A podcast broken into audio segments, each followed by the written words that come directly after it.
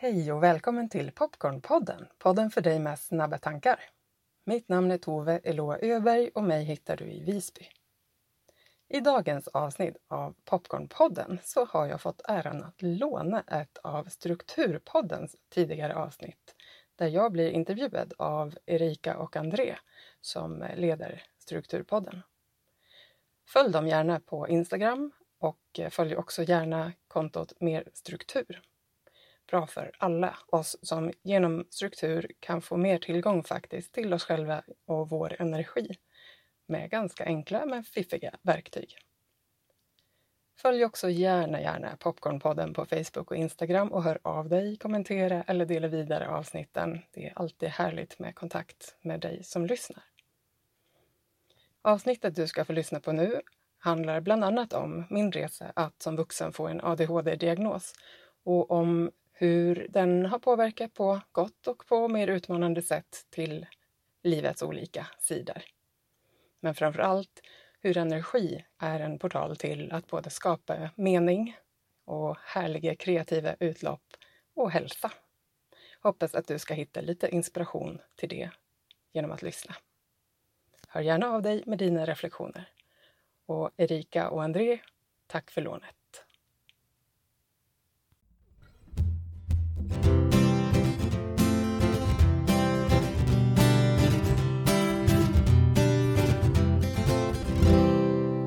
Du lyssnar på Strukturpodden med Erika Norberg och André Kikuchi.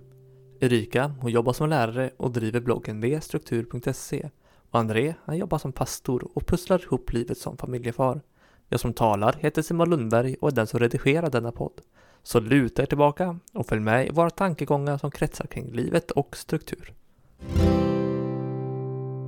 I dagens avsnitt intervjuar vi Tove Eloa Öberg som driver Popcornpodden där jag hade förmånen att bli intervjuad i sommar, och Akka Meditation, samtidigt som hon också är socionom och arbetar som enhetschef och verksamhetsledare inom offentlig sektor. Och I vuxen ålder så har hon fått en ADHD-diagnos som bland annat har visat henne vikten av struktur i livet. Välkommen hit! Mycket vad fint att få vara med här hos er. Ja, måste ju bjuda tillbaka. Ja, men det betyder mycket. Det var kul när vi hörde det senast. Det var verkligen fint. Mm. Ja, välkommen hit. Och du har ju fått höra en presentation här av Erika. Och stämmer den? Om du, skulle du säga samma sak? Ja, men absolut. Alltså, och det är så fint när någon annan presenterar mig, tycker jag. Eh, så slipper jag göra det själv. Det tycker jag var en trevlig ingress. Sådär. Det är ju så. Och, och för den som lyssnar så Ja, bara nu i veckan har jag suttit i samtal med flera olika personer som har undrat så här, hur orkar du med? Så här. För det är som ni säger, det är liksom enhetschef, det är företag och det är podd. Och ja, på temat den här podden, strukturpodd, så är ju en förutsättning för det dels att jag tycker det är kul, allt jag gör. Det är liksom mm. själva grunden i det, att det faktiskt är saker som jag på riktigt tycker om att göra. Men det handlar ju också om en viss grundstruktur för att det ska funka.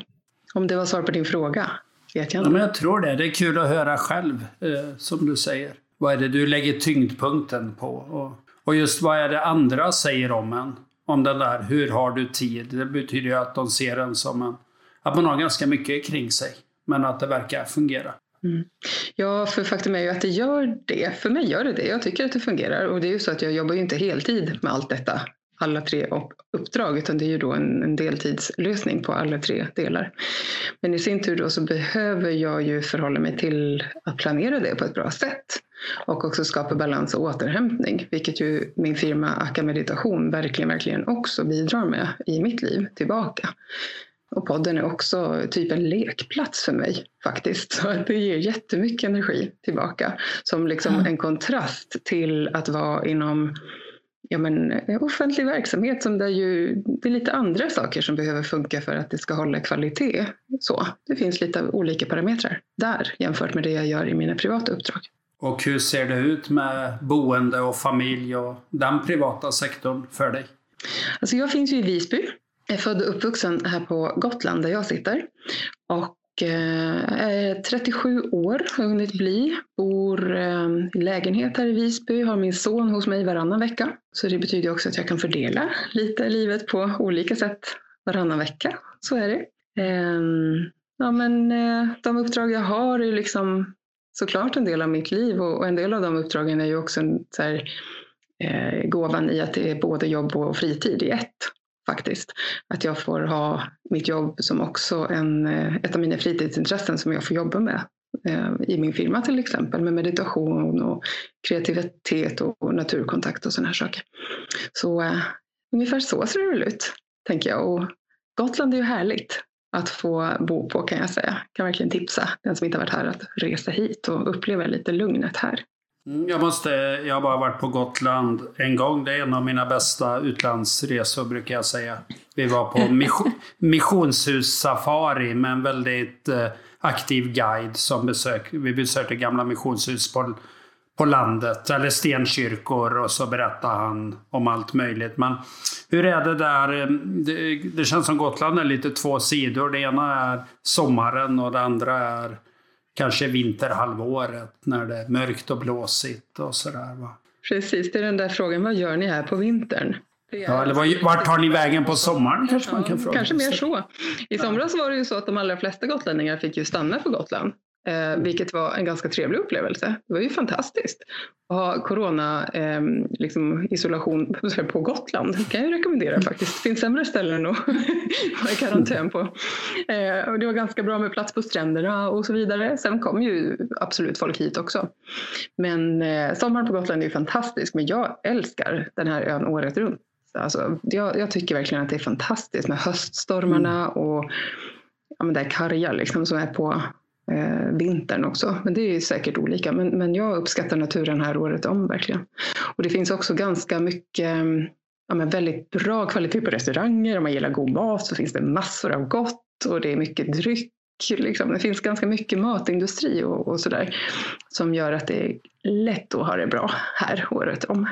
Blir ni sugna på att flytta hit? En coronaresa till Gotland, ska vi göra det Erika?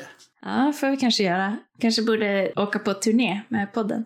Ja. Annars har jag en kusin som har flyttat till Gotland nyligt så jag tänkte att jag borde verkligen dit nu. Jag har aldrig varit där. Så det är på tiden. Och vi har ju en gemensam bekant som flyttar från Gotland. Hon, har, hon ska väl sälja sitt hus. Hon kanske har gjort det, annars skulle vi köpa det huset. Ja. Som poddstudio? Ja. Om vi får några fler lyssnare bara så är vi snart där. Så dela podden med alla ni känner så att vi kan köpa ett podcasthus på Gotland. Det hade väl varit något. ja. Uh, ja, men uh, ska vi gå in på, på lite, men det här med ADHD tycker jag är lite spännande. Mm. Uh, och jag undrar, hur, hur kom det sig att du undersökte ifall du har ADHD och hur har det påverkat dig att få en ADHD-diagnosen? Mm. Jag tror mm, resan, min resa att eh, börja fundera i banor om jag själv hade ADHD började för ganska många år sedan. Eh, där jag var i egenskap av att vara socionom, arbeta inom socialtjänst på en eh, föreläsning med en kvinna som berättade om hur ADHD kan ta sig lite andra uttryck hos flickor och kvinnor.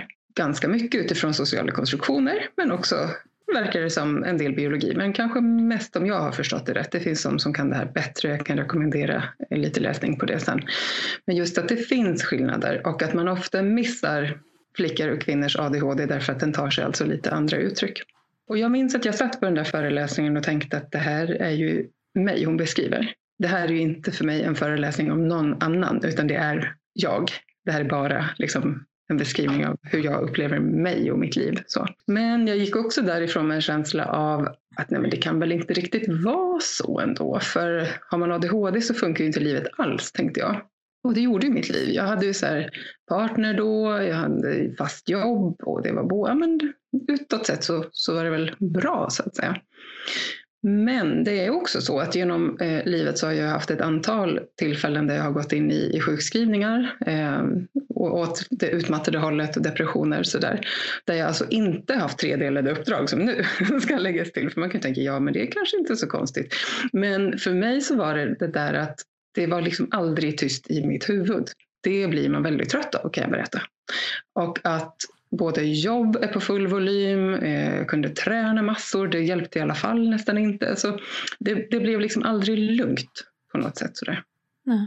Sen har det varit en process på ganska många år Där jag eh, ja, men ändå har tyckt att det har funkat okej okay och ganska, ja men så här, livet är väl så här. Men jag har också börjat fundera mer och mer nu också då som, i och med att jag gick in som enhetschef och började märka att det kostar ganska mycket energi med på temat strukturplanering uppföljning, att leda verksamhet. Mm. Så. Då någonstans började jag känna att det här är svårt för mig och det kan det ju vara ändå. Men det kändes som att det var saker som jag egentligen kan som jag inte så att säga fick kontakt med. Jag är en ganska snabb och ganska smart person. Jag har många kompetenser och ändå får jag inte till det här. Vad är det som inte funkar? Så. Och Eh, i det så sökte jag privat, det här är verkligen kortversionen, men jag sökte då privat en utredning på, i en klinik här i Visby. Och nu under våren så eh, genomgick jag en neuropsykiatrisk utredning som landade i en ADHD-diagnos. Ehm, så. Det är väldigt nyligt alltså? Som det är bekräftat? Mm. Absolut, och det som är är ju att jag har vetat det här i mig. Mm. Så för mig så är det bekräftat nyligen, men jag har vetat det många år i mig. Så att ja. säga. och det är därför jag är bekväm att prata om det här ganska tidigt efter. Och jag känner också att det är viktigt att göra det därför att jag är verkligen helt övertygad och det är inte bara ett enligt här, det är inte bara ett eget tyckande utan också fakta att det finns väldigt många kvinnor som missas. Som alltså har i grunden en neuropsykiatrisk problematik men man kanske inte får tag i den och istället går runt i utmattning, depression eller andra typer av eh, psykisk ohälsa som, som kan tolkas som stress eller ångestproblematik. Men grunden skulle kunna vara, mer eh, ofta än man tror, en eh, neuropsykiatrisk eh, funktionsnedsättning. Och därför blir det här viktigt att prata om. Också för mig som ju omvärlden tänker är otroligt så här, högpresterande och funktionell. Det är många som kanske inte skulle tro att jag har en diagnos. Andra skulle absolut tänka att jag har en ADHD-diagnos. Men, eh, men jag är nog inte bilden av en person som går runt med, med, med, ett gäng diagnoser. Det tror inte jag. Och jag tycker det är så viktigt att bryta ner de här fördomarna och, och stigmat kring eh, psykisk ohälsa, kort sagt. Hur tar, du sa att det skiljer på män och kvinnor diagnosen ADHD.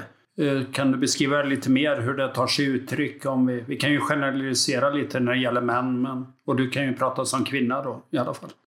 Ja, och jag vill också passa på där att tipsa om en bok som för mig är eh, jätteviktig eh, personligen, men som jag vet har gjort stor skillnad för många andra. Och det är alltså eh, Lotta Borg Skoglund som är psykiater i eh, hon är specialist inom psykiatri, så ska jag säga. Eh, och hon har alltså en eh, bok som kom ut nu i år, Från duktig flicka till utbränd kvinna. Där det här sammanfattas väldigt mycket bättre än vad jag kanske kan göra här. Men en av de sakerna som jag skulle säga är att det kan vara den här idén om att personer med ADHD är de som inte kan sitta still på stolen, eh, kanske lite stökiga i klassrummet. Ja, den urtypen av liksom, myror i brallan tidigt. Sådär. För mig så har jag aldrig varit sån. Jag har alltid suttit superstill på stolen. Jag har varit otroligt skötsam, men jag har alltid haft ett påslag inombords. Jag har aldrig haft helt tyst i mitt huvud och jag kan ju typ inte gå in i något nytt sammanhang utan att få en ny idé. Så att det konstant kreativt. Och det är inte fel. Jag menar, det är viktigt att säga när man inte kan så mycket om neuropsykiatri att det finns ju många som ligger högt på en skala av eh, snabba tankar eller kreativitet eller sådana här saker. Men kriterierna för att få en diagnos är ju också att det faktiskt ger funktionsnedsättningar. Det är ju det. Och Lotta pratar mer om det här i sin bok. Eh, jag vill varmt rekommendera det. Har också ett poddavsnitt med henne för den som är intresserad. Um, ja, men det här är viktigt, tänker jag. Att bara som en ingress få, få en liten förståelse där kanske. Mm. Vad har du gjort då för att få livet att fungera utifrån eh, den här känslan du hade och, och sen diagnosen. Har du, har du gjort några förändringar med strukturplanering, med andra verktyg för att det ska fungera? Mm. Ja men absolut har jag det och det finns ett före och ett efter diagnos skulle jag säga. Före diagnosen har jag haft strategier som har gått ut väldigt mycket på att eh, kompensera skulle jag säga. Det kostar jättemycket energi att hela tiden fundera. Vad har jag missat? Vad borde jag göra nu? Och inte kunna sortera riktigt. Att ha en ganska hög funktion men ändå ibland ha svårt att sortera i det. Så Ungefär så kan jag beskriva det. Jag har behövt att träna jättemycket för att lugna systemet, vilket på ett sätt är bra, men det kan ju också bli att det går lite till överdrift. Ja. Att det blir överträning, skador. Det är inte heller ovanligt.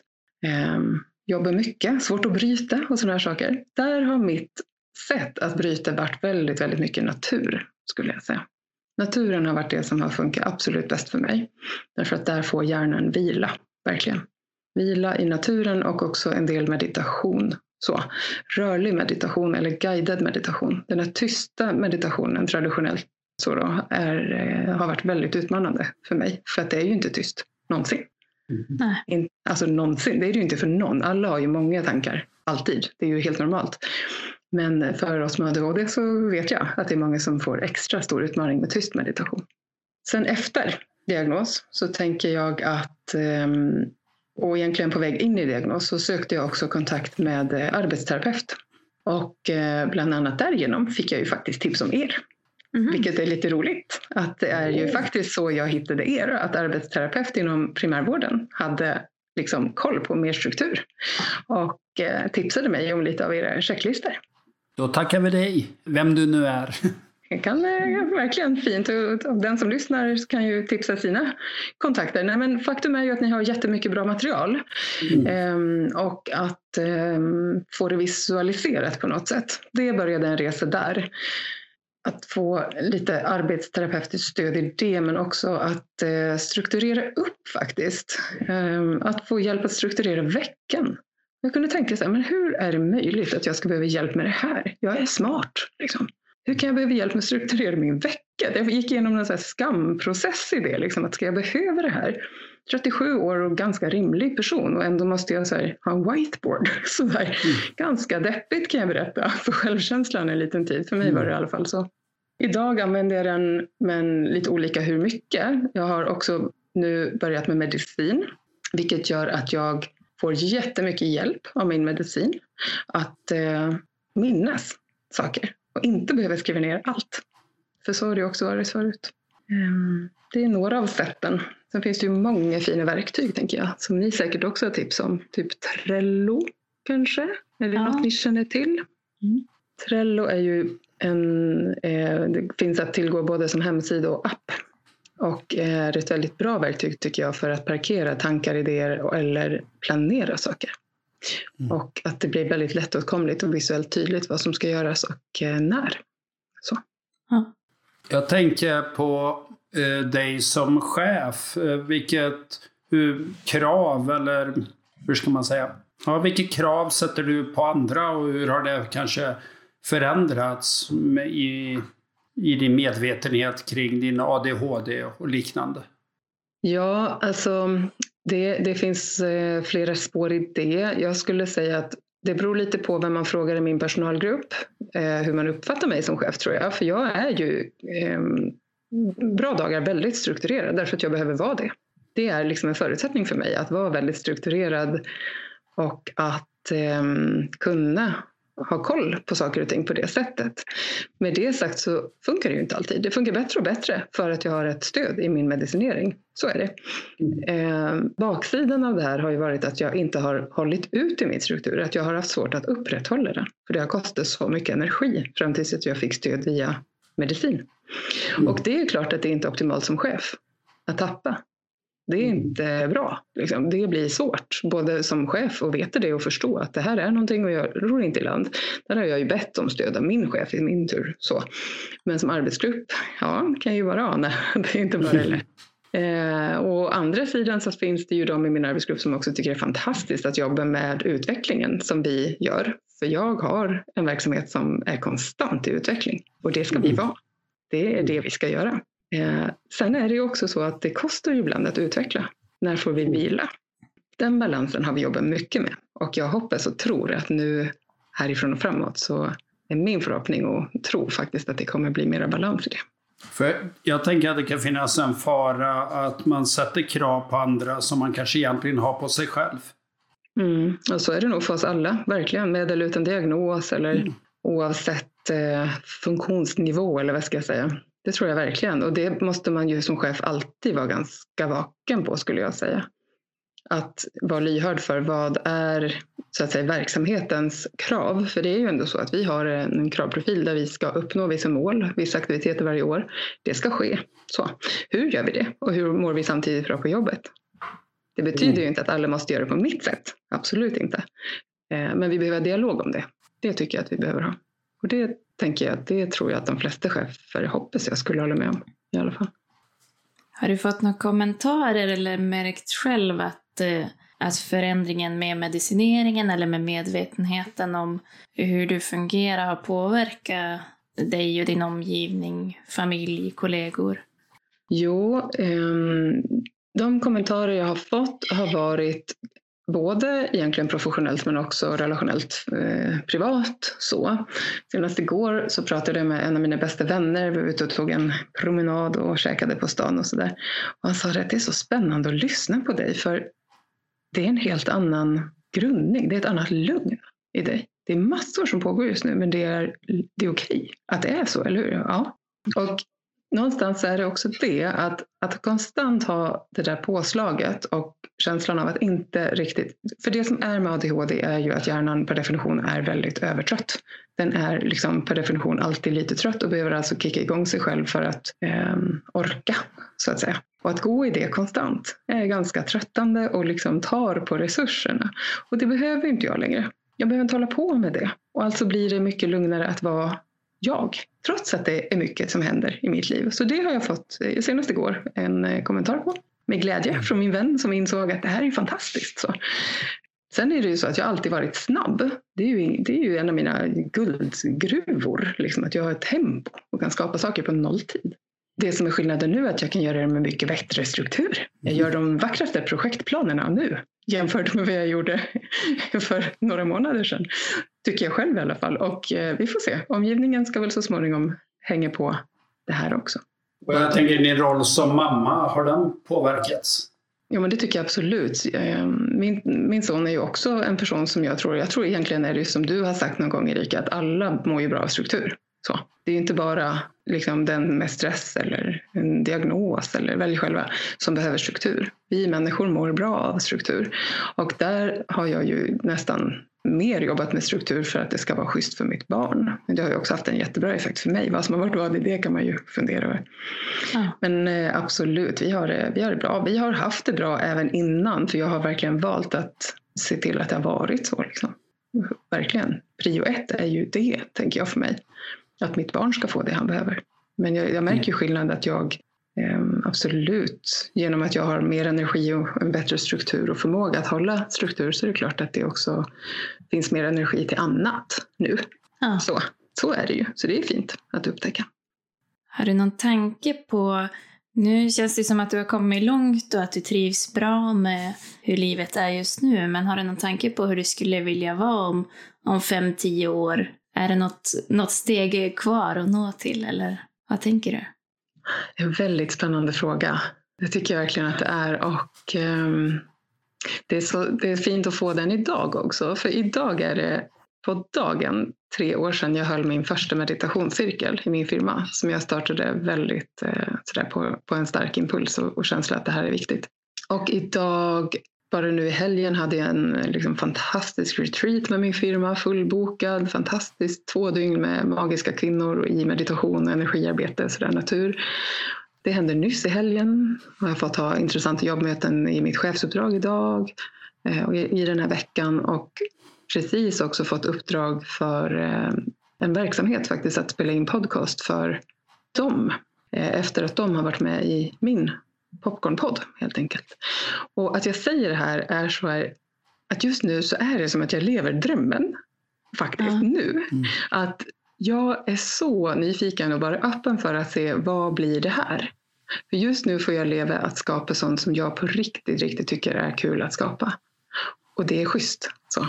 Exakt hur det ser ut om 15 år, aj alltså, det är spännande. Jag vet inte, men det är också gott att inte veta det. Jag vill inte heller kontrollera sönder det, känner jag just nu. Bara få må bra i att så här är det och det kommer växa. Så känns det verkligen. Mm, väldigt hoppfullt om framtiden. Ja, absolut. Jättekul. Mm. Ska du skriva en bok? Alla gör ju det. Alla gör ju det. ja, men jag har redan gjort ett arbetshäfte. Eh, på temat snabba, snabba ryck. Eh, så den kan jag väl utveckla. ja, men jag har gjort något arbetshäfte som handlar om existentiell hälsa som ligger på min hemsida att köpa.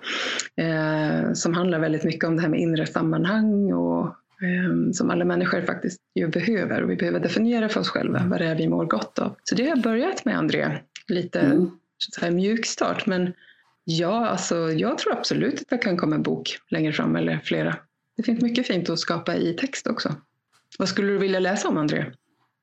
Um, ja, men någonting kring psykisk ohälsa och struktur. Kanske ha ett mål någonstans. Det känns som många kring, eh, om jag generaliserar lite, så mycket kring psykisk ohälsa blir mycket här och nu.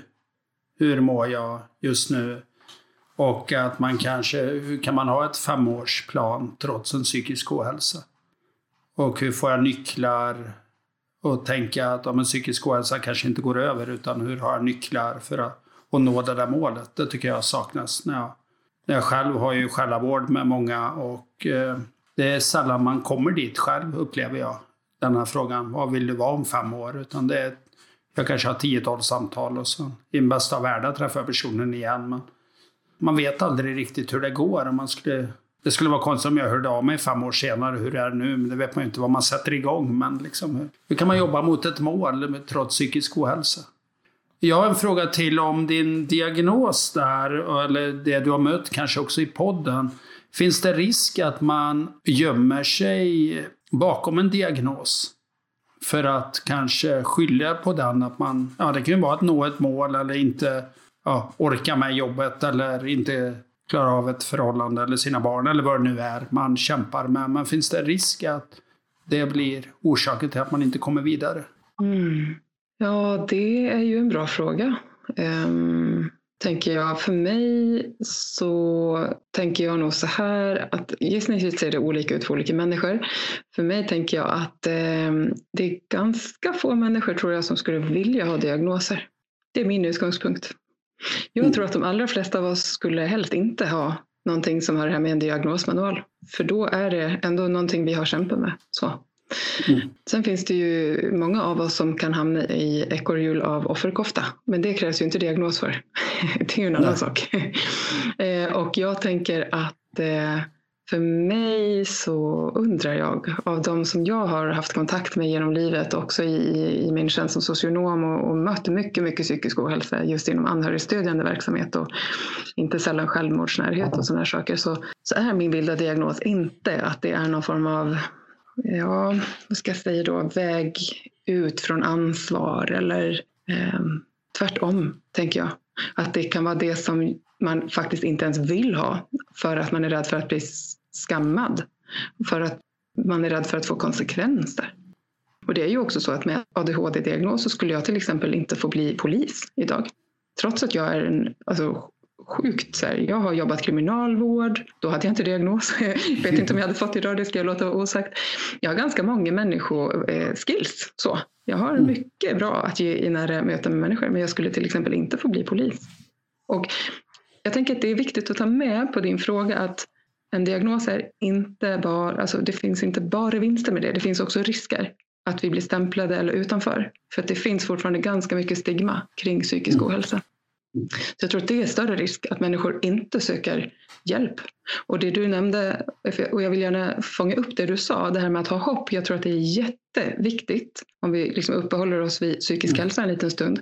Hopp är liksom basen. Vi vill få ha hopp i livet. Vad ger dig hopp? Så, mm. Vad är det du längtar efter? Det tror jag är en jätteviktig sak att definiera.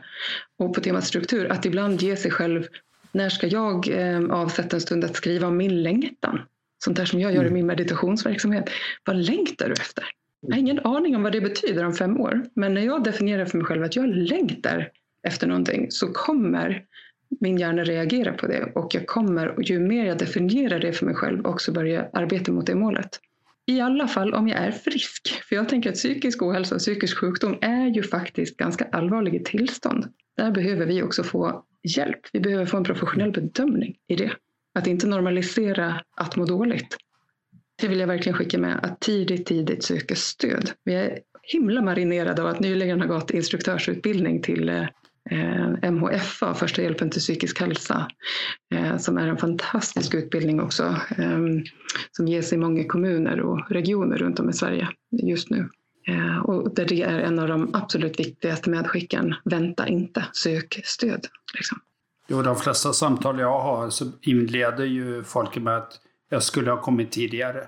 Ja. Det är ju nästan en sån här standardfras jag skulle kunna skriva upp på väggen så jag slipper säga det. Och det, det spelar ingen roll hur gammal du är. Du kan vara 18 eller 72 liksom. Men alla känner det någonstans. Verkligen. Och jag brukar också lyfta det här, och det kanske är ett tips till dig som lyssnar, att prata innan det är dåligt också.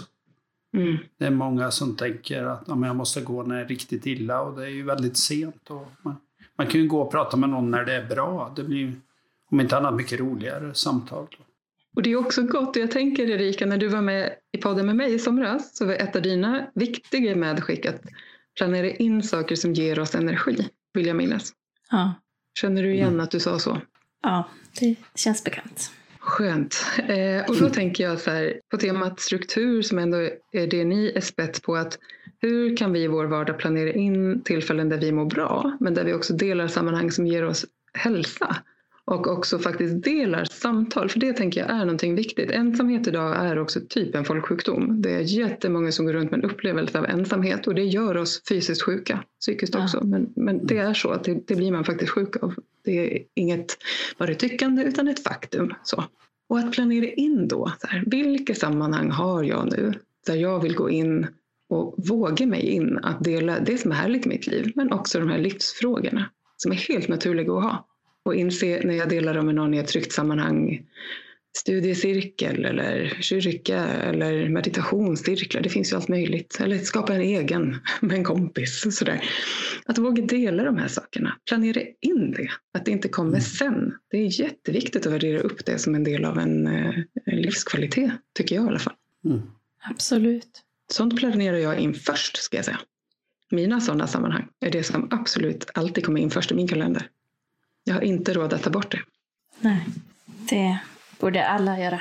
Jag tänker att under corona här så blir det ju ännu tydligare med vårt behov av möten och fysisk och psykisk närhet på ett annat sätt. Vi har kanske inte tänkt på det, men under ett halvårs tid när det här spelas in då så har det blivit väldigt tydligt. Och vad händer när det tas bort från oss? Det vi trodde var naturligt. Och hur kan vi hitta det på nya sätt? Mm. För är det någonting som pandemin också har gjort så är det ju det här sättet att mötas. Som vi nu spelar in via video och ni kommer att plocka ut ljudet. Och så här. Det finns många, många forum idag där vi kan dela sammanhang digitalt. Och min erfarenhet av det är att det är ja, men, minst lika bra. Det betyder ju att jag kan sitta hemma och dricka te i min egen mjuka soffa. Jag behöver inte ens åka hemifrån och få ha det här sammanhanget. Det fysiska är viktigt, jag, absolut, jag håller med om det. Men det finns också väldigt någonting eh, tryggt i att kunna vara kvar hemma och dela sammanhang också. Så ut och sök, nätet är fullt. Och är det inte det så får man väl hjälpas åt att tipsa varandra. Så. Ja, jag har faktiskt haft en, eh, en studiecirkel, eller vad man ska kalla det, över, över Skype i om det är sju, åtta år eller någonting. Vi har haft möten var tredje vecka ungefär. Prata om livet och om något ämne. Eh, Så det gick ju även före pandemin och nu hoppas jag att det är ännu fler som, som hittar de här andra vägarna att mötas. Mm, precis.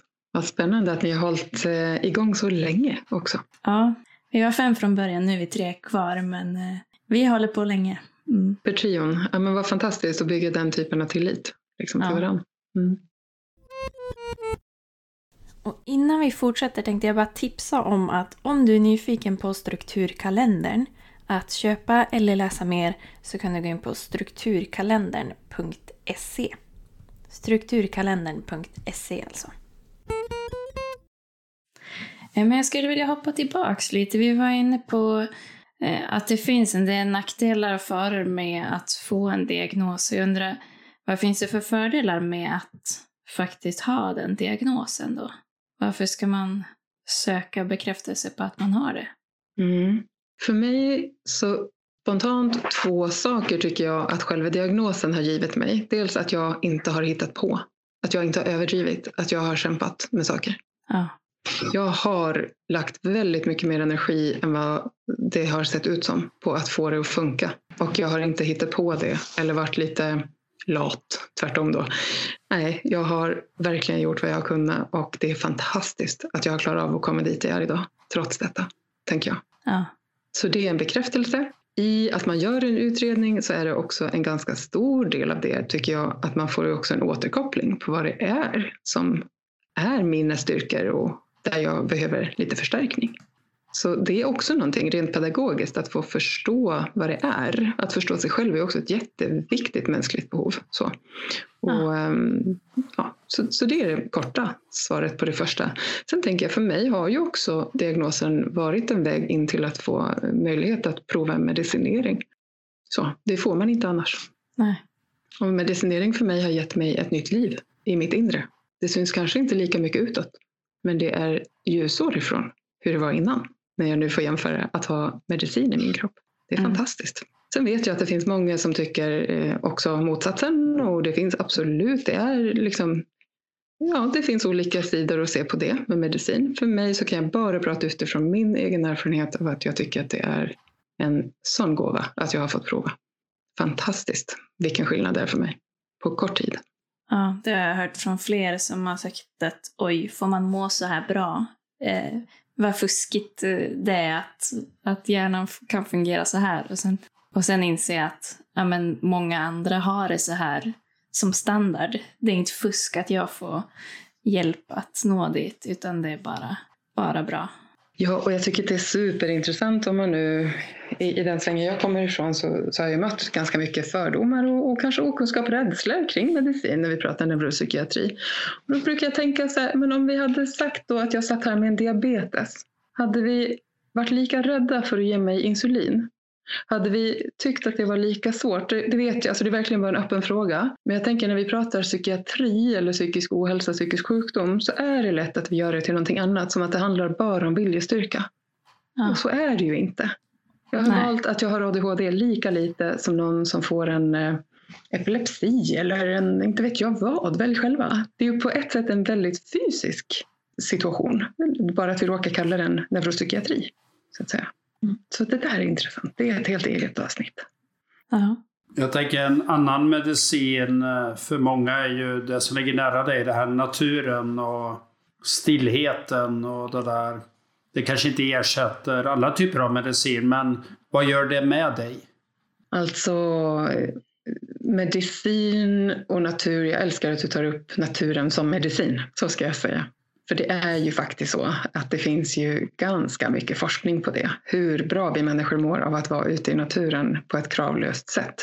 Det det gör bland annat är att det alltså kan sänka stresshormoner i kroppen. Att det läker kroppen bokstavligen. Att vi vilar och återhämtar oss på ett väldigt, väldigt djupt sätt. Och det det också är för oss med snabba tankar, som jag kallar det, så är det ju så att hjärnan vilar på ett annat sätt i naturen än i till exempel inomhus eller stadsmiljö. Därför att hjärnan är skapt så att naturen är hemma. Liksom. Det är där som är vår ursprungsmiljö. Medan det här rummet jag sitter i nu och kollar mig omkring på skapade saker, det kräver lite mer avkodning och jobb för hjärnan. Inte bara för mig med diagnos, utan för oss alla så är det så här. Och det gör att vilan för hjärnan blir någonting helt annat i natur. Som faktiskt är väldigt läkande. Så, Mm så eh, det finns mycket mer att säga om det. Men det är också hela den här ehm, basen är ju det som gör att skogsbad till exempel har blivit mycket större i Sverige sista åren också. Något som finns i Japan sedan väldigt lång tid tillbaka. Shinrin-yoku kallas ju det på, Mm. på japanska. Så Där man har sett att det är, är enormt hälsofrämjande. Sen tycker jag också om att bara vara i naturen. Att få vila där och ja, men sitta vid havet som jag har lyxen att göra, elda lite. Det känns eh, fint liksom att vara i naturen som en del av vardagen. Erika, har jag berättat om min myrstack i något avsnitt? Nej, det tror jag inte. Under fyra års tid hade jag en myrstack i Stockholm som jag följde. ovanför myrstacken fanns en sten och så kunde man sitta på stenen, annars är det ganska obekvämt precis vid en myrstack eftersom de också är intresserade av där man står. Man, man kunde sitta på stenen som inte de gick upp på och så kunde man se livet där året runt. Och så kunde man se om någon hade varit där och pillat eller något djur hade varit där eller om det var vinter eller om det var sommar. Och för några år sedan så var jag där för att leta upp myrstacken men då hade den flyttat. Och så även jag. Men jag tyckte det var lite fint att ha det där. Och det var, ja men, vad kunde det varit, 500 meter ifrån min skola där jag gick på utbildning då.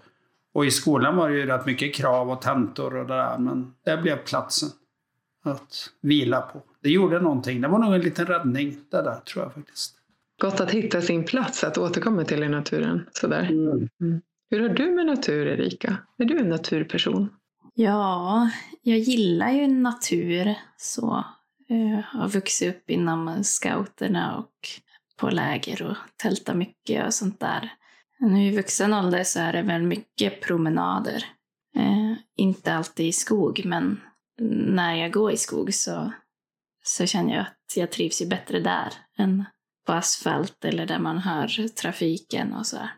Eh, så att det, det är något jag tycker om, men kanske inget som jag prioriterar så mycket som jag kanske borde. Ja, eller, eller så borde du inte, beroende på vad du har lust med. Ja. jag vet inte. Jag menar verkligen ingen kravprofil, jag var nyfiken. Jag har flera vänner som också jobbar med det här med fördjupad naturkontakt och eh, jag pratar en del om det, att det är många av oss som tenderar att lite glömma hur härligt det är att vara mm. i kontakt med naturen. Därför att vi är så mm. vana att nu leva i lägenheter, hus, städer som ja, dyker upp. Och hur är det egentligen att liksom vara mera i kontakt i naturen utan att göra så mycket när vi är där? Att det kanske inte måste vara att springa en mil för att vi ska vara i skogen. Vad händer om jag sätter mig och kollar på myrstacken? Mm. Vad händer då? Mm, och det känner jag ju om jag verkligen är i naturen och är där det är tyst. Att att då känner jag av det, att det här vill jag ha mer av. Mm. Och väckte någonting där. Mm. Mm. mm. Det är spännande. I mitt förra boende hade jag möjlighet att uh, ha en eldgrop på tomten. Och det var så bra att bara gå ut och elda. Det är fantastiskt. Ganska onödigt på ett sätt och fullkomligt nödvändigt på ett annat sätt. Jag tycker också att det låter helt nödvändigt. Jag förstår ja. fullt. mm. Och det är ju något väldigt djupt det där med elden. Det är ju många tusen år vi har hållit på med det. Men vad gör det med dig? Liksom? Mm. Sen tyckte jag att du var lite försiktig där Erika. Är det inte så att du nästan är född på ett scoutläger? Ja, det var nära. Nej, jag, jag var nästan på mitt första scoutläger när jag var en vecka gammal, men det blev inte så. Men eh, när jag var ett år var jag på mitt första. Ja, det är ändå ganska mm. tidigt det. Ja. Mm. Härligt. ja, men, men förutom eh, naturen, har du något annat råd till de som kanske känner igen sig i din situation? Ja, det finns väl många, höll jag på att säga, men jag tänker väl spontant mm, ja, men dels att söka information och söka sammanhang med andra. Um, jag tror kunskap är jätteviktigt, att förstå sig själv och, och att um, ja, få spegling på det som pågår i, i dig. Det tänker jag är viktigt. Men det är, ju, det är ju ett spår. Men någonting som jag också tycker har varit viktigt för mig är ju meditationen på olika sätt. Nu leder jag ju meditationer, men det jag gör själv också.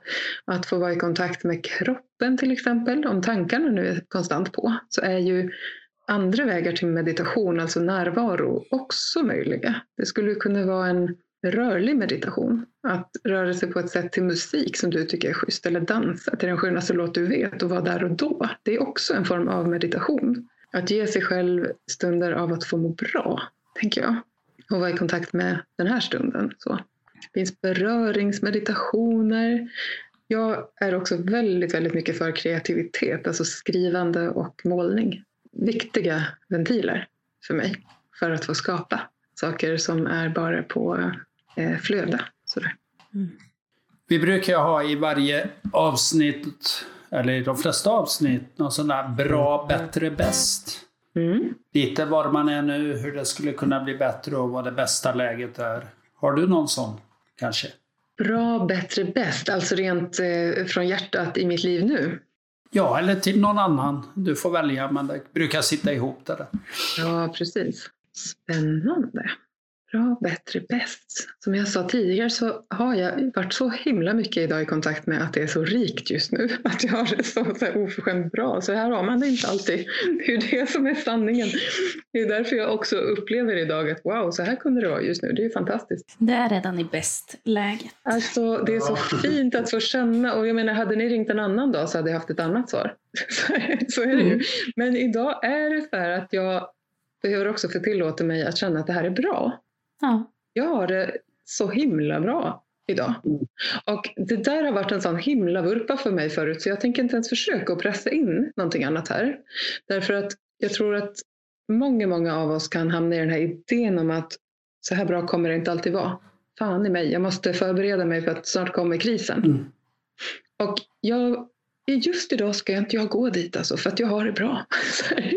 Jag har det fantastiskt just idag. Och jag eh, har verkligen varit mycket i den stämningen idag. Att titta på, men gud, tänk att det är så här att jag får må bra. Att det var Mm. så att jag hade modet att gå vägen till att ta hand om mig själv. Våga att, eh, ja det finns många, många fler delar än det vi har pratat om idag. Men just relaterat till att välja att kika närmare på, har jag en diagnos? Är jag villig att prova medicin? För det var inte heller helt självklart, rakt spår. Ja, men jag, jag är villig att prova det. Så. Ehm, att få jobba med faktiskt tre uppdrag som jag tycker är fantastiska att få jobba med och lära mig saker av. Ha ett rikt liv på, på även privat sida. Det kan ju låta så himla klyschigt och någon blir säkert så här provocerad när man lyssnar på en sån här eh, delning. Men just idag är det så att det här funkar och jag mår bra i det. Och då tänker jag att idag ska jag få njuta av det. Så. Mm, det är helt rätt. Och jag förstår att många blir provocerade, men jag, jag blir så inspirerad av nu intervjun med dig och när vi pratade med, jag tror det var Lise Hellström som hade skrivit en bok och som, som är i det här läget att nej men nu är det bra. Och att ja, men man kan faktiskt må bra. Man kan nå dit. Kan någon annan, då kan jag också. Och för mig är det bara inspirerande. Mm. Tycker att det är så roligt. Gott att det landar så, tänker jag. Och, och jag tänker att det kan ju också vara viktigt att säga att även att jag sitter verkligen sant i den här känslan idag så är jag ju liksom inte vaccinerad från självkritik, stress, ifrågasättande. Jag fick sno ihop någon powerpoint och stå i en presentation här på eftermiddagen lite så här på volley. Det var inte skönt alltså. Det var inte det. Men det var väldigt bra efter. För det gick bra. så där. Alltså, så att jag tänker någonstans att även idag så har jag ju fått uppleva utmaningar med just fenomenet att vara människa. Men det är, det är inte det som är prio ett. Liksom. Det gick att ta sig igenom det. Det är lugnt. Här är det Mm. gott. Så att det, jag vill bara säga det så att man inte får ångest där hemma av att sitta och tänka fan, jag har ju dåligt självförtroende på den här punkten. Ja, men det får du ha. Det går bra. Men du kan ändå få också ha det bra. Så nyfiken vad folk brukar svara. Jag måste lyssna på ännu fler avsnitt av era poddar. Mm. Det får du göra. Ibland hjälper vi folk i bra, bättre, bäst och säger ja men det är bra där du är nu men bättre kanske vore om och det bästa vore i det här scenariet. Men vi säger till alla våra gäster att vi återkommer väl om ett år och ser hur det är just nu. Spännande. Mm. Det är mest för att få fler avsnitt, vi säger så. Men det kanske ligger någonting i det också. Jajamän. Ja, men det går bra. Hör av er om ni behöver. Får vi se om jag är lika lycklig då. Det kanske är ännu mer. Ja, och nästa steg blir ju då att sätta ihop två stycken som är väldigt lika i varandra, vad ni har pratat om. Och så får ni prata med varandra och så spelar vi in och lägger ut och så är vi tysta. Så ja, Mm. vi får se. Man skulle väl egentligen hitta några som är olika och, och få en vild debatt. Men det kanske inte är riktigt vår stil. Nu är vi ju lite nära det här Simon, där du kan klippa bort också. Jag älskar det. Tänk om han inte gör det, tänker jag. Det hade varit kul. Mm. Ibland gör han inte det. Nej, det här, eh, det här kommer i avsnittet. I promise. Ja, men eh, innan vi avrundar så brukar vi också fråga om du har någon slags eh, prova på som något enkelt som eh, lyssnarna skulle kunna göra den närmsta veckan. Mm, det har jag absolut. Ehm, jag tänker att det jag vill skicka med är faktiskt en form av skrivande meditation. För den kan du göra var som helst, när som helst. Du behöver inte ha någon guidad ljudfil, ingenting. Sånt finns ju gott om och det kan vara jätteskönt. Jag uppskattar själv det. Men någonting som jag tycker är spännande är just en teknik som kallas flödesskrivning. Som eh, handlar alltså om att eh, ta fram papper och penna. Eh, får jättegärna göra det här tycker jag till en ganska mysig plats. Liksom att göra det här till en stund som är din. Men du skulle kunna sitta liksom på bussen och göra det här, det spelar ingen roll. Så. Men visst, det är möjligt att göra det till en trevlig stund också på, på en fin plats hemma. Det du sen gör är att du sätter timern på din telefon eller så. Anledningen till det är att eh, du kommer förmodligen tröttna och då kommer du börja kolla klockan på en till tiden klar snart. Får jag sluta nu? Och då är svaret nej. Det får du inte. Det kommer ju uppenbarligen ringa när det är klart så slipper du rikta fokus på det. Så. Eh, man kan sätta klockan på fem minuter, 10, 15, eh, en minut. Det finns inget rätt och fel. Eh, ofta sätter jag på 15 för att det hinner hända saker då. Sen är egentligen den enda instruktionen att från att du börjar så skriver du konstant. Du stannar inte upp. Och du bryr dig inte om punkter, eh, kommatecken, frågetecken, grammatik. Så. Det är en övning att skriva allt som händer i ditt huvud. Om man får total sådär blackout, jag vet inte vad jag ska skriva nästa gång, då skriver du det. Jag vet inte vad jag ska skriva nästa gång. Och så kanske du upprepar det 14 meningar. Det kommer förmodligen visa sig att du vill inte skriva det 14 gånger, utan du kommer hitta nya vägar in i att skriva det som kommer under. En ganska fin övning faktiskt. Att vara närvarande med det som händer i tanken, men också engagera kroppen väldigt mjukt och kravlöst och skapande. Det kan hända att det kommer ja, saker man inte var beredd på riktigt. Och erfarenheten är att eh, det brukar vara ganska lugnt när den där tiden har gått inombords. Är det någon av er som har provat något liknande? Liknande, ja. Jag hade en period där jag brukade skriva lite kort varje morgon, men inte, inte riktigt så och inte så länge. Så att jag är nyfiken på att testa. Jag gillar att skriva. Så det kan nog vara något för mig. Får berätta hur det gick, hur det kändes mm. snarare. Mm.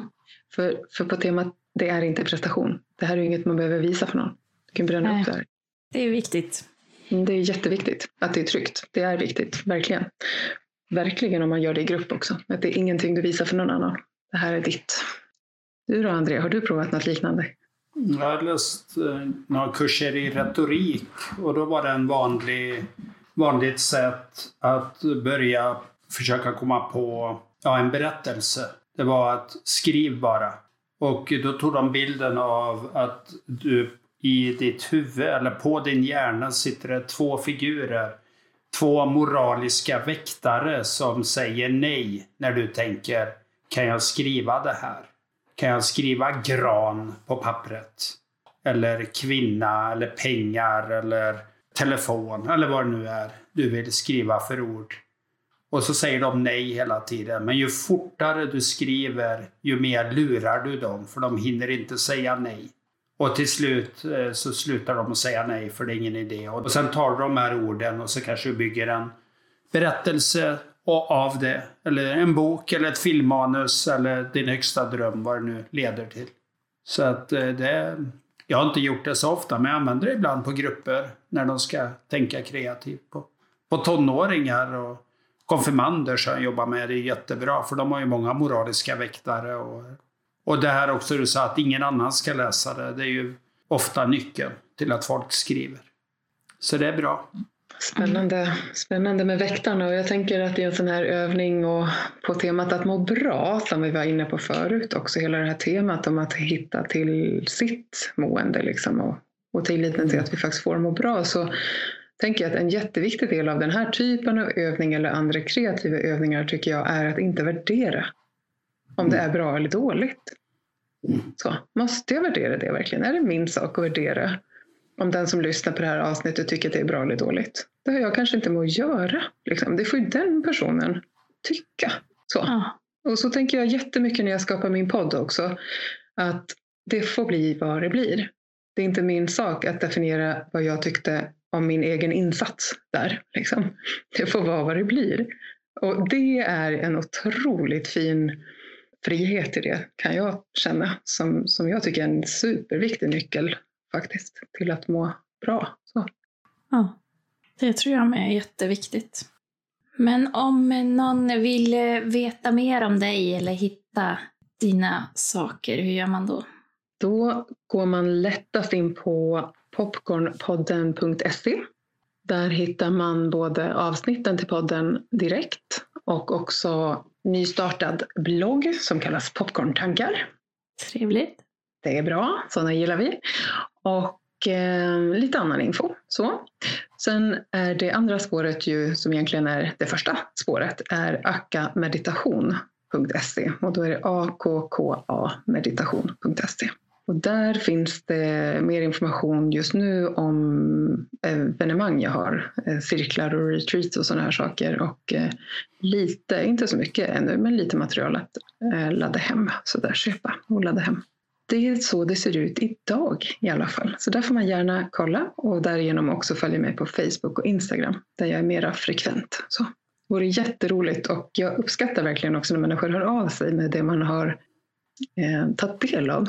Reflektioner eller tankar sådär. Jag tycker att det är jättefint med den typen av möten. Och där brukar vi ju säga till våra lyssnare om du har någon fråga så skicka till hej strukturpodden.se eller använd kontaktformuläret på strukturpodden.se. Och även på Strukturpodden så lägger vi upp lite länkar och annat intressant från de avsnitt vi spelar in. Och här hade vi ju någon länk på Lotta Borg Skoglunds bok till exempel. Och det kanske blir lite andra eh, länkar från det här avsnittet så då får du gå in där och kolla. Och gå gärna in och kommentera och dela. Jag kan också tipsa om ett avsnitt som finns just kring det här med naturkontakt och hur viktigt det är för hälsan. Också en del av Popcornpodden i ett tidigare avsnitt med en vän till mig, Annette Örn, som har en firma som heter Sakta In. De guidar just skogsbad som skogsbadsterapeut.